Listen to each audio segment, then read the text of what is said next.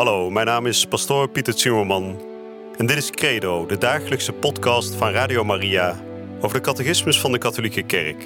Samen dringen we elke dag een beetje dieper door in het prachtige plan van liefde dat God met elk van ons heeft.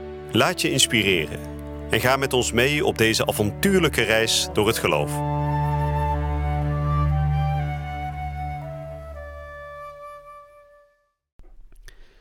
Vrienden, heel mooi dat u weer met ons verbonden bent hier bij Radio Maria voor een nieuwe uitzending van Credo. Waarin we aan het spreken zijn over onze beminde kerk. Er gaan natuurlijk heel wat beelden van de kerk rond in deze tijd. Maar we zijn deze dagen aan het horen wat de catechismus zegt over deze kerk. De kerk is niet alleen maar een stenen gebouw zoals we hebben gehoord. Nee, de kerk is Gods koninkrijk op aarde. De kerk is de familie van God, ander beeld dat we hebben gehoord.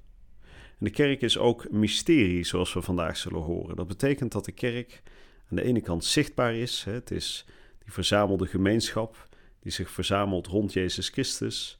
Maar het heeft ook een onzichtbaar of een geestelijk element. En daar gaan we vandaag ook over spreken. Nou, zoals gebruikelijk zal ik ook deze podcast weer beginnen met gebed. En ik wil vandaag heel eenvoudig een wees gegroet bidden.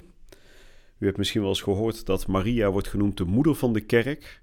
zij is ook wel het beeld van de kerk in die zin dat Maria natuurlijk de bruid is van de Heilige Geest. En we noemen de kerk wel de bruid van God. Hè? Dus in die zin um, is het begrijpelijk dat in Maria ook een beeld van de kerk wordt gezien.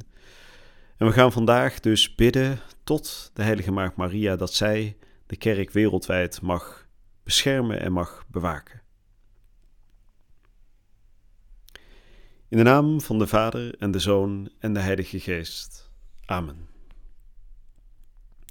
Wees gegroet, Maria, vol van genade. De Heer is met u. Gij zijt de gezegend onder de vrouwen, en gezegend is Jezus, de vrucht van uw schoot. Heilige Maria, Moeder van God, bid voor ons zondaars, nu in de natuur van onze dood. Amen. En ik ga vandaag voorlezen de nummers 770 tot en met 776. En dan zal ik er daarna nog een kort commentaar op geven. Het mysterie van de kerk. De kerk maakt deel uit van de geschiedenis, maar stijgt er tegelijkertijd bovenuit. Alleen met de ogen van het geloof kan men in haar zichtbare werkelijkheid tegelijkertijd een geestelijke werkelijkheid zien draagster van goddelijk leven. De kerk tegelijkertijd zichtbaar en geestelijk. De enige middelaar Christus heeft zijn heilige kerk, gemeenschap van geloof, hoop en liefde, hier op aarde gevestigd als een zichtbaar geheel, dat hij voortdurend ondersteunt en waardoor hij aan alle genade en waarheid meedeelt. De kerk is tegelijkertijd een gemeenschap met een hiërarchische structuur en het mystiek lichaam van Christus. Een zichtbare vergadering en een geestelijke gemeenschap. Een aardse kerk en een met hemelse gaven bedeelde kerk. Deze dimensies vormen tezamen één complexe werkelijkheid, samengesteld uit een menselijk en een goddelijk element. Het is eigen aan de kerk tegelijk menselijk en goddelijk te zijn, zichtbaar, maar rijk aan onzichtbare werkelijkheden. Opgaande in het werk en gewijd aan de beschouwing, in de wereld aanwezig en toch op pelgrimstocht. En wel zo dat in haar het menselijke in ondergeschiktheid gericht is op het goddelijke, het zichtbare op het onzichtbare, het werken op het beschouwen het heden op de toekomstige stad waarnaar wij werken. Deemoed, verhevenheid. Zowel tent van Cedar als heiligdom van God. Zowel aardse woning als hemels paleis. Zowel huis van klei als koninklijk hof. Zowel lichaam van de dood als tempel van licht. Ten slotte, zowel voorwerp van verachting voor de hoogmoedige als bruid van Christus. Zij is zwart van het stof, maar mooi, dochter van Jeruzalem. hoewel vermoeidheid en smart van de lange ballingschap haar bleek gemaakt hebben, siert haar toch een hemelse schoonheid. De kerk mysterie van de gemeenschap van de mensen met God. Het is in de kerk dat Christus zijn eigen mysterie voltooit en openbaart als het doel van Gods helbeschikking. Het heelal in Christus onder één hoofd te brengen. De heilige Paulus noemt de huwelijksgemeenschap van Christus en de kerk een groot mysterie. Omdat de kerk met Christus is verbonden, als met haar bruidegom, wordt zij zelf op haar beurt mysterie. Wanneer de heilige Paulus in haar het mysterie aanschouwt, roept hij uit: Christus in u, de hoop op een eeuwige heerlijkheid. In de kerk is deze gemeenschap van mensen met God door de liefde die nimmer vergaat het doel.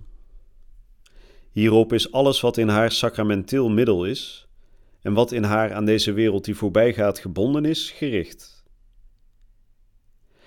Haar structuur is volledig gericht op de heiligheid van de ledematen van Christus. En de heiligheid wordt gemeten naar het grote mysterie, waarin de bruid met de gave van de liefde de gave van de bruidegom beantwoordt. Maria gaat ons alle voor in heiligheid, die het mysterie van de kerk is als bruid zonder vlek of rimpel. Daarom gaat de mariale dimensie van de kerk vooraf aan haar petrinische dimensie. De kerk, universeel sacrament van het hel. Het Griekse woord mysterion wordt in het Latijn op twee manieren vertaald: mysterium en sacramentum. De term sacramentum wijst eerder op het zichtbare teken van de verborgen helswerkelijkheid. De term mysterium geeft eerder deze laatste werkelijkheid zelf aan. In deze zin is Christus zelf het helsmysterie.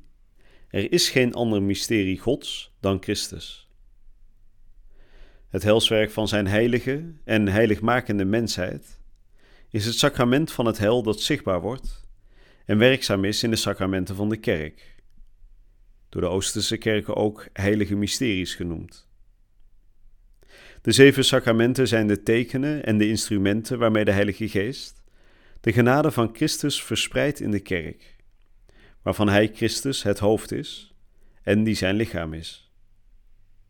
De kerk bevat dus de onzichtbare genade die zij betekent en deelt deze mee.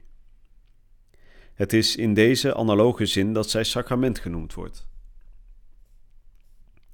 In Christus is de kerk als het ware sacrament dat wil zeggen het teken en het instrument, van de innige vereniging met God en van de eenheid van heel het menselijk geslacht. Het eerste doel van de kerk is sacrament te zijn van de innige vereniging van de mensen met God. Omdat de onderlinge gemeenschap van de mensen wortelt in de vereniging met God, is de kerk ook het sacrament van de eenheid van het menselijk geslacht. In haar is er al een begin gemaakt van de eenheid, aangezien zijn mensen uit alle rassen en stammen en volken en talen verzameld. Tegelijkertijd is de kerk teken en instrument van de volledige verwezenlijking van deze eenheid die nog moet komen. Als sacrament is de kerk instrument van Christus.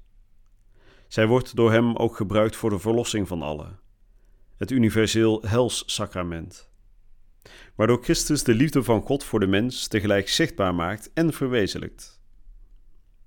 Zij is het zichtbare plan van de liefde van God voor de mensheid.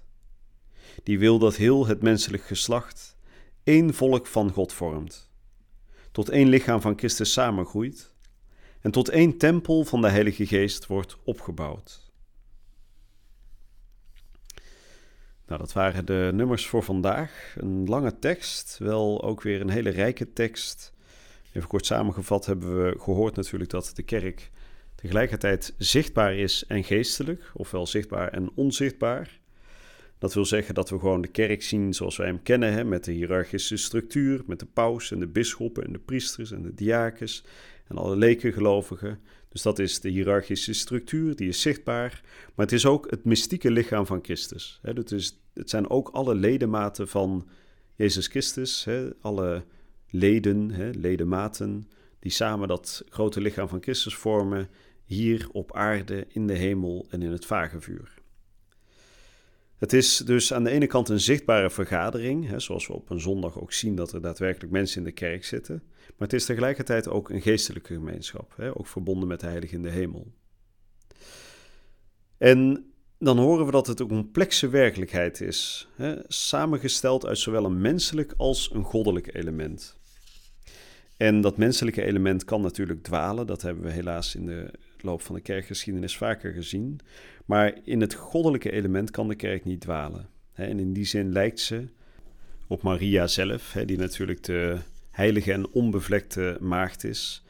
En die in die zin dus als het ware dat goddelijke element van de kerk vertegenwoordigt. Dat zuivere element, dat ongerepte element. Nou, vervolgens horen we over de kerk als sacrament. We weten natuurlijk, de kerk kent de zeven sacramenten, hè, die zullen we nog uitgebreid gaan behandelen. Maar hier wordt dus de kerk ook een sacrament uh, genoemd. En wat betekent dat? Nou, we hebben het net gehoord. Het Latijnse woord sacramentum kan twee dingen betekenen. Dat is aan de ene kant mysterie en aan de andere kant zichtbaar teken. dus het de kerk is een mysterie, want het is een onzichtbare werkelijkheid die, van, die God tot centrum heeft. Maar tegelijkertijd is het ook een zichtbaar teken.